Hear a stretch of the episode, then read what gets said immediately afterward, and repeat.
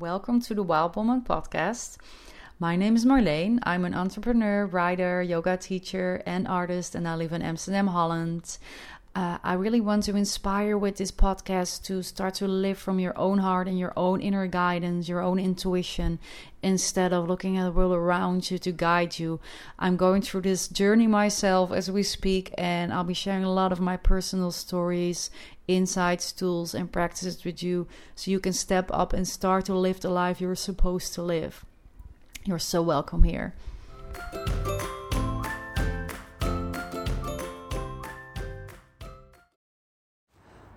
So I needed to record this podcast. I just did it in Dutch, but I sort of realized that I do everything in English. I was like, okay, I'm walking in the forest, and for the first time, I really feel that I'm understanding the receiving mode.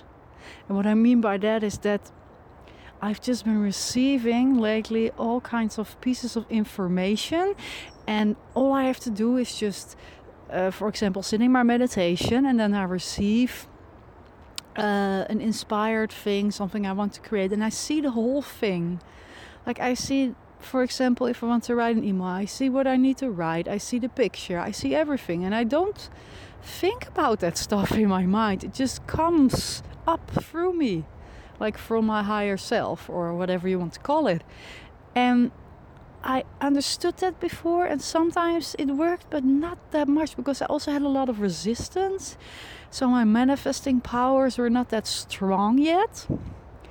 And now, what is happening, which is like really awesome, like lately, I've been releasing a lot of resistance. So I've been letting go of a lot of emotional baggage, you could say. I, I've been going through grief, sadness, anger, and it, I've allowed it all to come out and I let it go. And I've also been looking at beliefs, and I'm still doing all that stuff.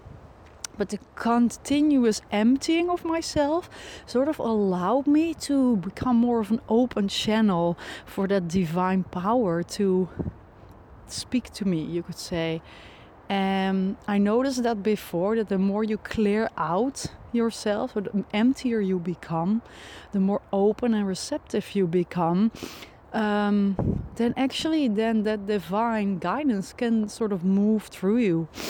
And I was walking here, and I was like, "Oh my God!" And then all that, which is always what I have, by the way. When I take a walk, I get a lot of ideas and you know stuff coming up but not at the level because i've now seen that my whole journey uh, up till today.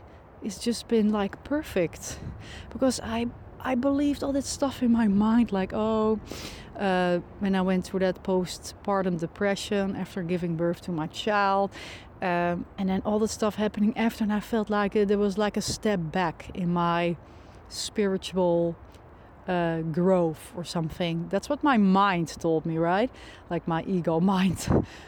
but now I see that it wasn't a step back at all. It was actually all a perfect uh, symphony of stuff that brought me to this point where I am actually now seeing how everything is just connected. Because a couple of years ago, for example, I wrote this whole book or manual about all the steps you can take to go from being disconnected to connected. But I, I didn't feel right about it when I finished it. So I never uh, got it out there to people.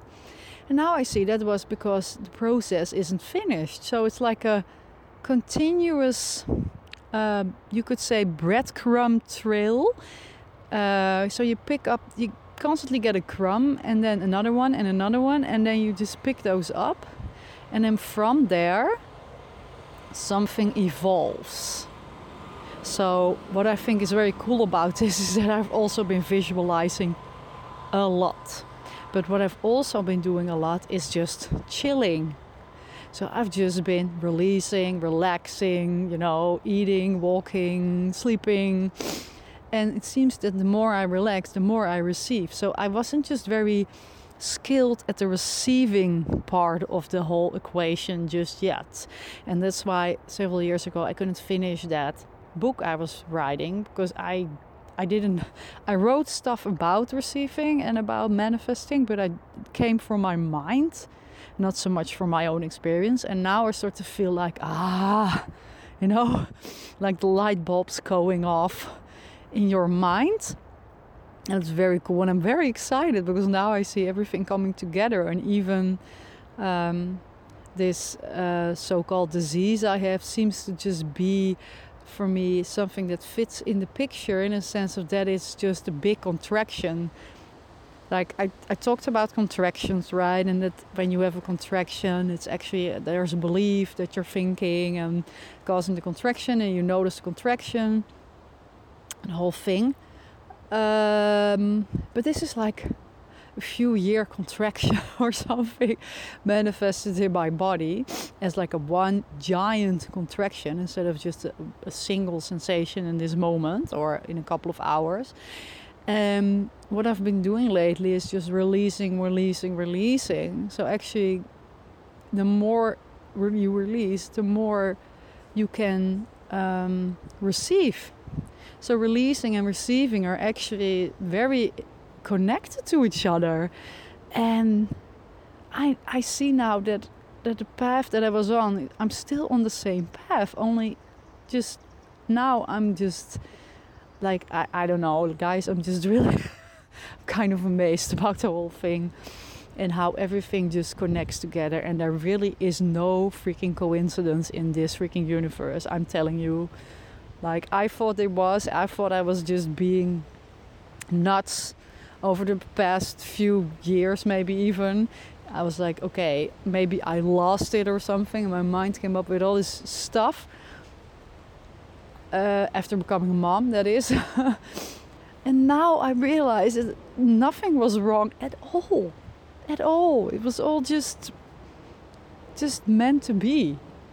And it was all just helping me to get to where I am now. And that's what life does. life is it's it's it's all abundance. Even with all the stuff that I went through, uh, the grief, the sadness, all that stuff, now I can see the whole expansion that just comes after, right? That starts to open up.